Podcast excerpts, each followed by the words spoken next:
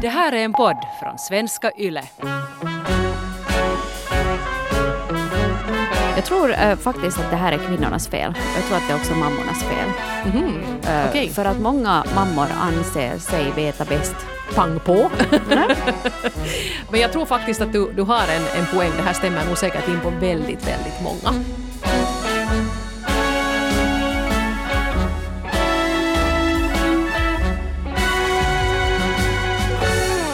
Vad skulle du Hanna säga, vem av oss två är ett större kontrollfreak?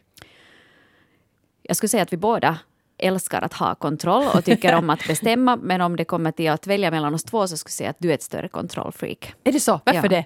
Nu, Du är nog en sån här som vill ha, veta hur det ska bli och, och gärna kanske också bestämma hur det ska bli. Och jag tror också, det var jag nog förstått liksom med, med familjen och sånt här, så, så du är den som styr upp och fixar och, och, och ser till att saker och ting blir av. Mm, medan du ju gör samma saker men du har ju inte en, en partner att, att dela det med. Nej, så Så därför, jag ska har- det styras upp så måste nästan du göra det. Det är jag som måste göra det. Om någonting ska bli av så är det jag som måste göra det. Ja. Men eh, jag måste säga att jag, jag är nog eh, själv också lite av ett kontrollfreak. Jag tycker till exempel inte alls om överraskningar. Eller att någon annan har fixat. Om någon skulle säga att hej, att packa en väska att vi ses på flygplatsen så skulle jag vara så här, tapp, tapp, tapp, tapp. Jag tycker det skulle vara hemskt obehagligt Ja. att inte veta vad det är som ska hända. Eller om man fast ska gå ut och äta med några kompisar så vill jag nog veta vilken restaurang vi ska vara till och jag har oftast en åsikt om var det, vart det är bäst att gå. Okej, det där är jätteintressant. Jag kanske inte heller är någon stor vän av överraskningar. Speciellt om man sådär på förhand får en varning om att det kommer sen att hända någonting. Då blir jag nervös. Ja. Men om någon sen bara skulle överraska mig pang chong så tror jag jag skulle kunna tackla det ganska bra.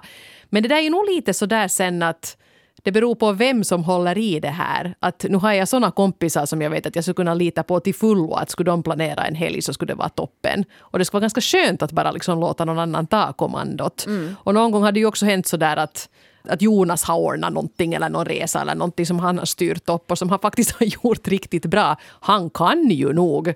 Men det blir nog som du säger ofta så att jag är den som bokar och fixar och, och läser på och kollar på förhand. Men det är ganska klassiskt det där också att det är mammorna i familjen som, som är den här projektledaren. Liksom vdn för familje AB. Så att, att det, det, är ju liksom, det, blir- det blir tyvärr ganska ofta så. Men jag tror nog också att, att är man en sån person som du och jag så, så vi tycker ofta att vi har bäst, de bästa idéerna. Sådär. Ja. Att vi kanske då också tycker om att bestämma eller tycker om att ta initiativ. Men jag håller med om det där som du sa att ibland skulle det vara skönt att om någon annan skulle ta det där initiativet att man bara kan sätta sig i baksätet och, och njuta av resan.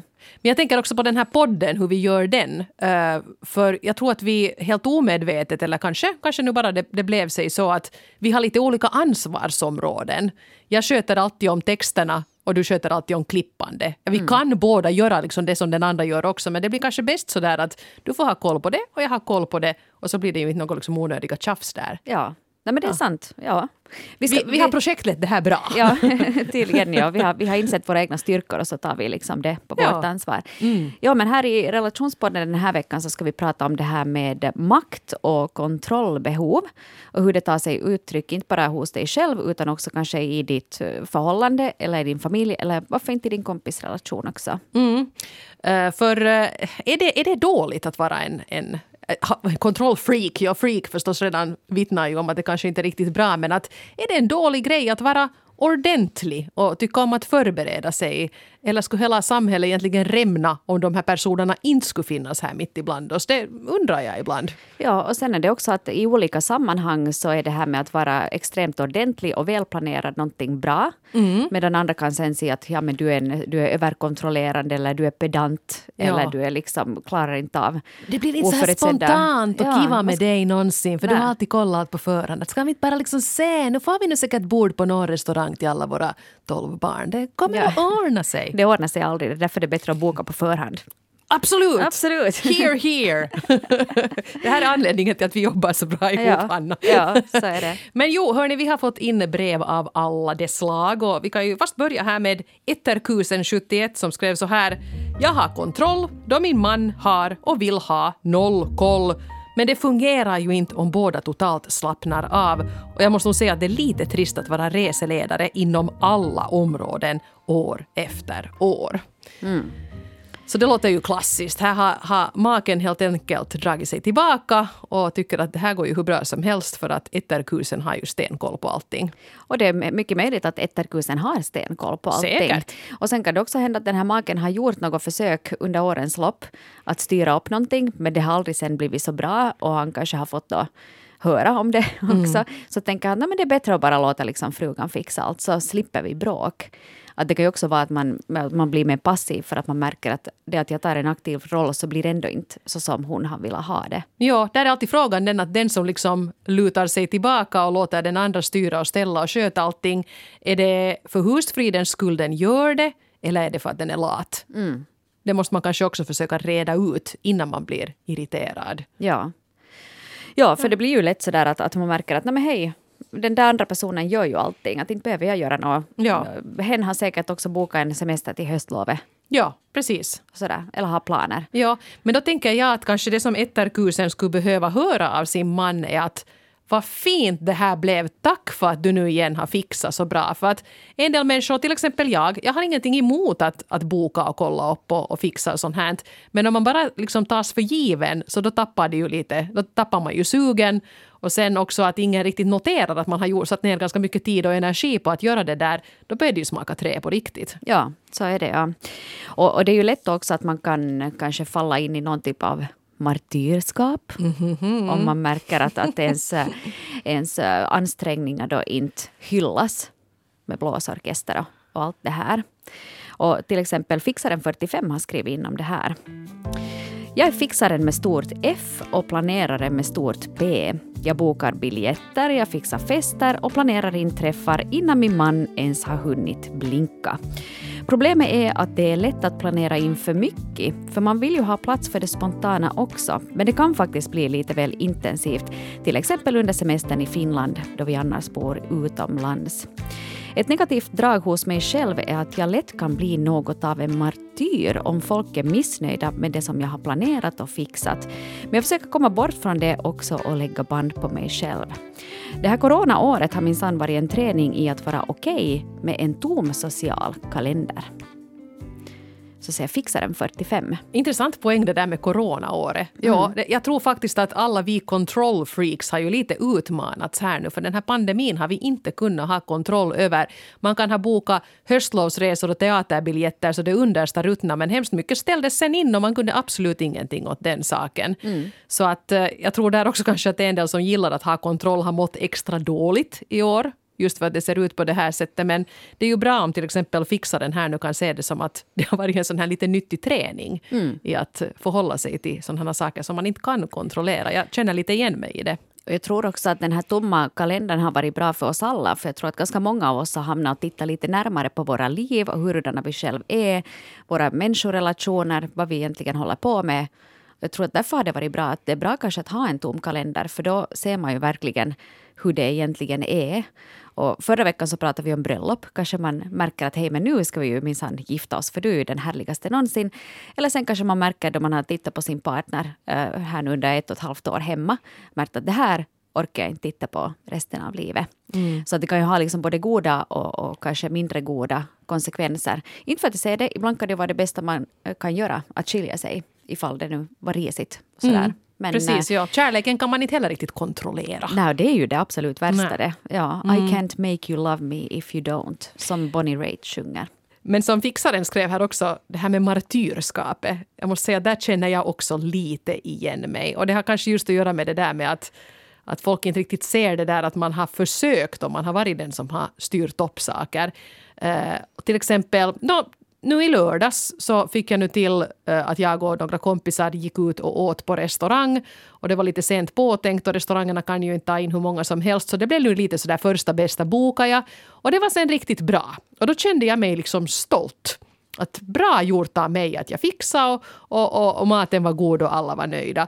Och om däremot maten skulle ha varit jättedålig och de skulle ha sagt att det här, hit kommer vi nog aldrig nå mer, så skulle jag ha tagit det kanske lite på mig fast det inte alls skulle ha, kritiken skulle inte ha gällt mig utan den där restaurangen. Förstår du? Ja, ja, det som du skulle ha lagat all den Ja. där dåliga maten nästan. Ja, what a waste of an evening. Ja. Dyrt var det. Bra bokat Eva, Ja, faktiskt. Ja. dyrt och Tack så dåligt. mycket. Ja.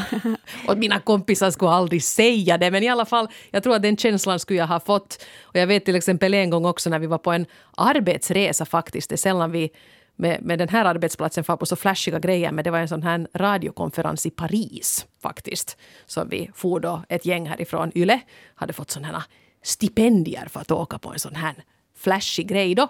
Och då blev det nu sen i något skede så att, att jag skulle till mina närmaste kollegor boka bord på en restaurang så att vi nu bara skulle ha någonstans att gå. Och mitt i att ville alla komma på restaurang då med oss. Så vi skulle liksom ha då, vet du, 18 yra YLE-redaktörer ska irra omkring i Paris och äta någonstans. Så jag bokar nu på något. Jag har väldigt lite koll på restaurangerna i Paris. Men det blev nu sen ändå något som hade bra stjärnor på Tripadvisor, vet du, vad jag nu for efter.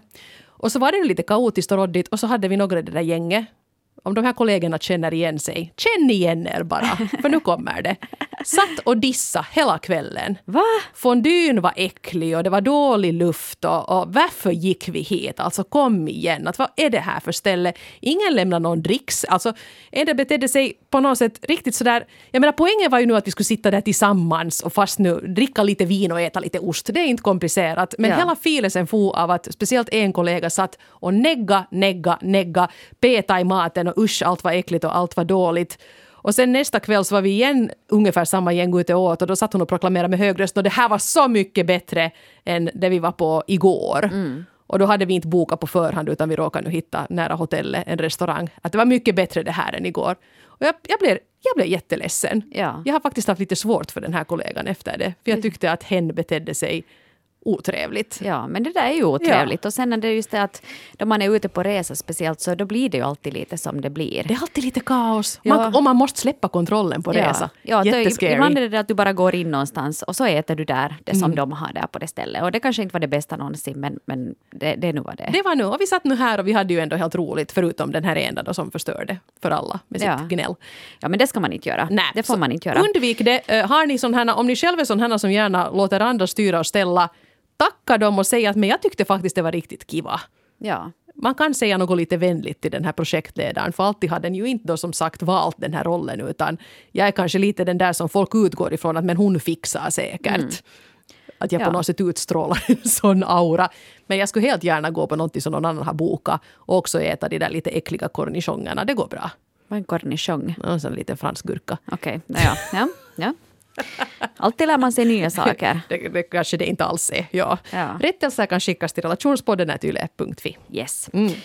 Um, vi skulle kunna prata lite om det här med eh, kontrollbehov i parrelationen. Yes, där kan det ju bli lite sådär let's. spänd stämning ibland. Vilse i livet 38 skrev. Jag har inga kontrollbehov. Jo, jag fixar förstås och har hand om vissa saker. Men min partner har ett sjukligt kontrollbehov och jag får ständigt höra om hur jag gör allt fel. Han rättar allt jag gör och påpekar om jag gjort någonting tokigt och det är helt löjliga saker som hur jag har plockat i diskmaskinen, hur jag parkerar bilen, hur jag lever i vårt hem. Jag håller på att bli galen. Hans kontrollbehov är orsaken till att jag har börjat fundera på om jag alls klarar av att leva med honom ett helt liv. Han tröttar ut mig psykiskt. Jag undrar också mycket på hur hans kontrollbehov kommer att påverka vårt barns liv. Tänk om hen kommer att växa upp med en ständig känsla av att inte räcka till. Jag börjar fundera på om det finns någon annan där ute för mig som är snäll och behandlar mig väl. Min partner anser inte att han behöver hjälp.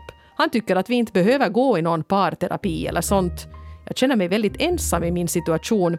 Ingen förstår vad jag går och tänker om på dagarna och ibland vill jag bara fly från allt. Så säger vilse i livet, 38. här kanske vi ska inflika att vi fick en del ganska tunga brev här också om situationer där det här kontrollbehovet har gått ännu mer överstyr än i den här situationen. Riktigt så där blivit regelrätt psykiskt våld, var man liksom inte låter partnern röra sig fritt och träffa kompisar och sånt där, uh, hemska saker. Men vi tänkte att det här kanske vi nästan borde göra ett specialavsnitt om. Men redan det här hör man ju hur tärande det är på relationen. Jag skulle få helt fel i huvudet Mm. av att någon ständigt iakttar mig och på något vis är redo att kritisera mig för allt vad jag gör.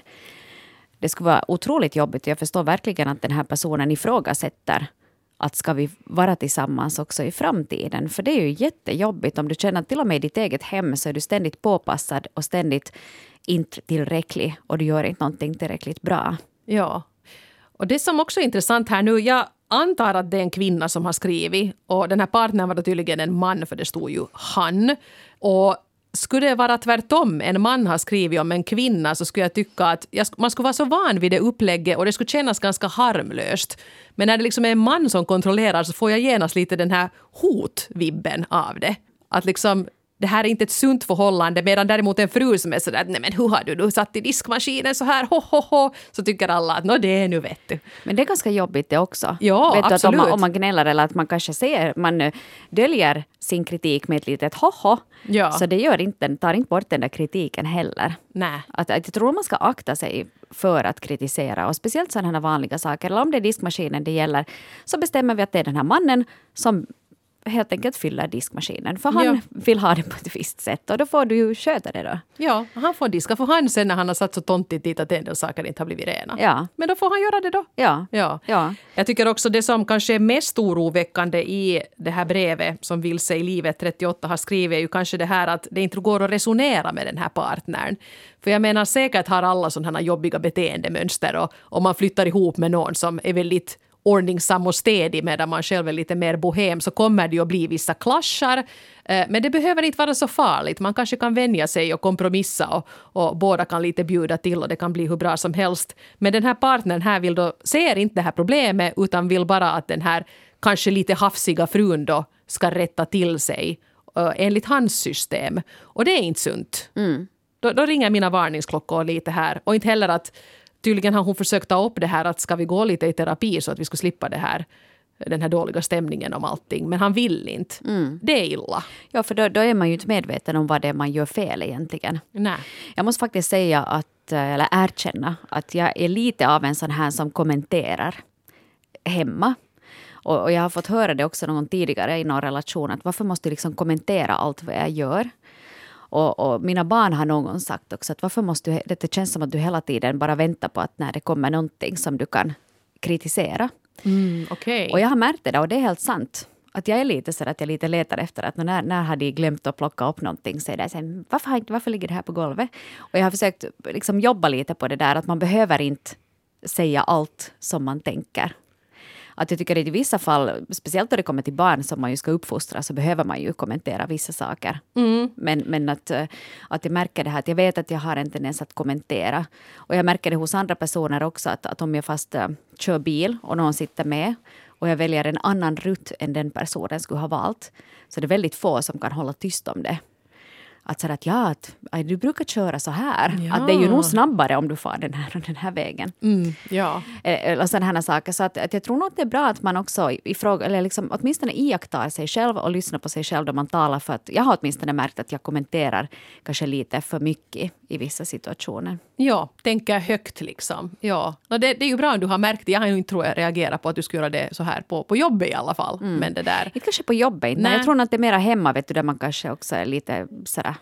Ja. Jag Nej, precis. Och, och jag menar med sina barn, eh, där är det också lite hur man säger det. Att Jag menar, jag tycker man kanske måste lära sina barn hur man fyller en diskmaskin på ett vettigt sätt. Men då kan man också säga att vet du vad, att jag, jag, har- jag har märkt det här att om man sätter den här skålen hit så då slipper inte den här grejen riktigt att snurra, kolla. Att, att, att kommer du ihåg att sätta den på ett annat sätt? Jag menar man kan säga det sådär konstruktivt, man Ja. behöver inte vara så att göra om allting för du har gjort fel. Men sen att börja liksom läxa upp sin partner då som är säkert en vuxen människa i tid och otid, då förstår jag nog bra att man blir ganska trött som Ja. den här skribenten har blivit. Men man får ju nog också samtidigt hemskt mycket i nerverna. Till exempel att om du eh, sitter på med någon som kör väldigt knyckigt. Eller som kör för nära bilen framför. Jag har nog jättesvårt med det. Okej. För jag kan känna liksom att det här är en dödsfälla för mig. Eller vet du, man hela tiden har en liten sån här whiplash-skada i nacken. Då det, ska, det ska gasas och bromsas, gasas och bromsas. Eller att man kör för nära. Jag blir bara liksom helt nipprig av det. Jag Ja. klarar inte av det. Liksom, har inte vi förstått det här med, med säkerhetsavstånd? Gäller också ute på vägarna. Så Det man ska sen fara lite utomlands och åka taxi i Kairo eller någonting så sen känns liksom allt lite knyckigt på finländska landsvägar ganska sådär Ja. safe i alla fall. Men alltså du vilse i livet 38, eh, jag tycker att du blir ganska fult behandlad hemma och att du inte ska finna dig i det här och jag vet inte om den här din man riktigt har insett hur hårt du tar det här och att du faktiskt är på väg bort åtminstone mentalt, drömmer om att få vara i fred. Ehm, jag vet inte, jag kan inte ge dig några riktigt goda råd här nu men jag vill bara ge dig ett, ett litet saldo då från, från min synvinkel på att det här är inte okej hur du har det. Nej. Så här ska du inte behöva ha det. Så här ska man inte behöva bli behandlad i sitt eget hem. Också den här farhågan som du har gällande ert barn. Så jag tycker, låt också det styra dig. Och kanske kräv nu en gång till att nu, hör du, nu, är, det, nu är det parterapi eller så sticker jag. Ja, att man, talar, att man säger det så ja. tydligt. Ja, om du nu ännu vill fortsätta vara ihop med den här personen så kämpa på men så här kan det inte fortsätta. Nej. Nej. Ja. Hmm. Eh, om vi tar och vänder lite här på, på könsrollerna då så, vi var ju lite inne på det här tidigare att kvinnor och mammor i familjer lätt tar på sig den här rollen som projektledare för familjen AB. Och Feministen 30 har skrivit in lite om det här. Det är ett stort samhällsproblem att kvinnor ofta är tvungna att ta på sig rollen som familjens projektledare, inte minst när det kommer barn in i bilden. Jag hör många kvinnor som säger att de egentligen inte är den som tycker om att planera och ha koll, men är tvungna att bli det ändå. Så säger feministen 30. Det är helt korrekt det där. Jag håller helt med om det. Och det var för några år sedan så kom det ju en bok i Sverige som hon heter Gunilla Bergensten måste jag riktigt kolla upp. Och den hette Familjens projektledare säger upp sig. Och det var en ganska arg eh, debattbok. vad Hon då skrev om uttryckligen det här och då minns jag att det blev också en stor diskussion i många medier kring just den här grejen. Att varför är det så att också man, man lever väldigt jämställt som sambor och, och delar på allting och så kommer det in ett barn och då blir liksom mamman någon sorts sån här 50-tals hemmafru, Uh, en housekeeper på något sätt. Eller vad heter det? Home eh, Maker. maker. Homemaker. En domestic goddess Ja, om vi ska dra oss med engelska termer. Vid sidan av sitt vanliga liv som ju kanske också ska fortsätta med, med jobb och så här. Och vad, vad är det som händer där? Jag tror eh, faktiskt att det här är kvinnornas fel. Jag tror att det är också mammornas fel. Eh, Okej. För att många mammor anser sig veta bäst då det kommer till det egna barnet. Just för att man har först varit med den där babyn och jag känner babyn bäst och ingen annan kan veta vad som är bäst för babyn förutom jag. Och där tror jag att alla mammor, speciellt alla nya mammor, så behöver ta liksom ett aktivt grepp om den här situationen från början och släppa det där ansvaret och ge det över till den där pappan. Att ingen pappa kan ju komma in där och, och ta över samma ansvar om du med näbbar och klor håller fast vid den här lilla babyn och, och aldrig låter den andra göra det på sitt sätt. Så jag tror nog att man också behöver iaktta hur man själv är. Och sen också när det kommer längre fram i åldern att, att ähm, jag vet vad barnet ska ha på sig. Fine, men du kan ju väl köpa den där overallen då. Men säkert en pappa eller en annan förälder lika kapabel att klä på det där barnet, den där overallen. Sen, Jo, eller, att- eller skicka ut, konstatera tillsammans med pappan att, att barnet behöver en overall och han går och köper den och det är den fulaste overallen du någonsin har sett. Men han köpte, han gjorde beslutet, det där är overallen barnet har i vinter. Ja. Punkt. Så är det så. Ja. Det är nog inte hela världen. Eller om barnet ska på kalas och säger att hej, att kan du på vägen hem från jobbet idag fixa en present? Den får kosta högst 10 euro. Det här barnet gillar det och det och det. Ja. Sades det. Ja, precis. Ja. Och så kommer han hem då med något helt något underligt. Men jag menar, det, det är nu vad det är. Ja. Så att liksom släpp den där kontrollen själv också. För att du kommer att bli den där projektledaren livet ut. Om du inte liksom låter någon annan ta lite ansvar också. Så där är en liten hälsning nu till alla Jag, medsystrar. jag tror du har helt rätt. Du säger det din vana trogen väldigt pang på. och, och, men jag tror faktiskt att du, du har en, en poäng. Det här stämmer nog säkert in på väldigt, väldigt många. Men jag har lite erfarenhet av att det går att vända på det här också. För att jag tror att vi lite hamnar där, vi också, när vi fick framförallt vårt första barn. Då, allt var så att, ah, och man på något sätt, den här modersrollen överväldigar en och man är så att oj, nu måste jag bli på något sätt mer vårdande och ordningsam och vi måste ha mycket renare hemma. Och att man kanske ibland helt hormonellt som mamma liksom går in i det här på ett lite annat sätt och då kan det bli hemskt tokigt sen också. Men till exempel i ett skede när jag, när jag mådde ganska, det här var betydligt senare, eh, jag var kanske lite så här svag mentalt, hade en lindrig depression som jag kämpade med och då tog Jonas över allt som hade med barnens hobbyer att göra. Så att det inte var jag som satt och grät för att jag hade missat det här klockan åtta på morgonen när man borde anmäla barnen till simskola, utan det var hans ansvar. Uh, och missade han det så inte var jag ju arg på honom, men det var bara så skönt att liksom inte jag behövde ta den skulden på mig. Och barnen var så att okej, okay, no voi, no inte gör det nå. Mm. Liksom, men jag hade då tänkt att det är ju katastrof om jag inte liksom hinner göra, jag är ju en misslyckad mor om jag inte liksom sitter där med fingret på enter klockan åtta mitt mm. i dagislämningen. Men jo, men då borde jag på något sätt få det här gjort. Ja. Så att vi liksom lite får handla om att vem tar ansvar för vad. Och det är också mycket mer logiskt att han har hobbyansvaret för det är han som kör bilen så det är ofta han som för dem till, till de där hobbyerna. Så vad har jag ens att göra i de där WhatsApp-grupperna för de olika mm. grejerna de är med i? Men det där är jättebra för det är ett konkret exempel. Ja, precis. Ja. Det stressar mig så han tog det. Ja. Uh, och sen kanske det finns andra grejer, uh, till exempel matinköp planerar vi alltid tillsammans. Det, det, det, är inte den timme på veckan som jag tycker är roligast när vi försöker göra upp matsedel för följande vecka, men det är skönt när det är gjort. Och uh, sen att helt enkelt dela upp vissa av de där grejerna. Uh, vi köper ganska ofta, nu går de inte på så mycket kalas, tack corona. Ja. Men man behöver inte ordna kalas. Nej, uh. precis. Där har vi ju försökt lite resonera att köp nu någonting typ sånt här, just som du sa. Och så gör nu den som, som är ute i närheten av en butik tar det. Mm. Så, så det går också att fast man börjar dras mot det här lite, oj så vi nu blev liksom traditionellt könsuppdelade här mitt i allt, det går att omförhandla och det går att vända på det här. Det är jättebra. Mm. Omförhandla, mm. absolut. Eh, det här tyckte jag var ett, ett jätteroligt brev som vi fick av ex-kontrollfreaken 32. Det är jättemycket 32-åringar som har skrivit till oss idag. Mm. Vad märkligt. Ja, men hej på er. Eh, men så här står det. Som barn var jag the kontrollfreak hon som de andra suckade åt, som blev irriterade på för att jag ville veta hur länge vi skulle vara på kalas hos kusinerna eller vilken tid vi skulle åka till farmor. Jag blev stressad på att min familj inte kunde hålla tider och planera på förhand. Idag är jag gift med en mycket extremare kontrollfreak, eller snarare planeringsfreak. Han börjar planera vad vi ska äta när en kompis ska komma till oss om två veckor och funderar hur vi ska lösa frågan om det sen kanske inte finns havredryck på semesterorten dit vi ska om fem månader. Och plötsligt har jag insett att det kan vara ganska skönt att vara spontan och ta dagen som den kommer och inte göra tillvaron mer komplicerad än den redan är. Men fortfarande vill jag nog gärna veta när bilen till farmor avgår, redan dagen innan vi ska åka till henne med min ursprungsfamilj och inte sen fem minuter innan vi ska åka. Så ja, en liten kontrollfreak borde nog i mig fortfarande. Vilket härligt brev jag, jag, jag, kan förstå det där uh, med, med, att man är barn. Vissa barn är ju sådana här att, att de behöver mm. veta vad som ska hända för att känna sig trygga. Så det är ju en, en ganska naturlig reaktion hos ett barn. Vissa är sådana som lever i stunden och tar det som det kommer.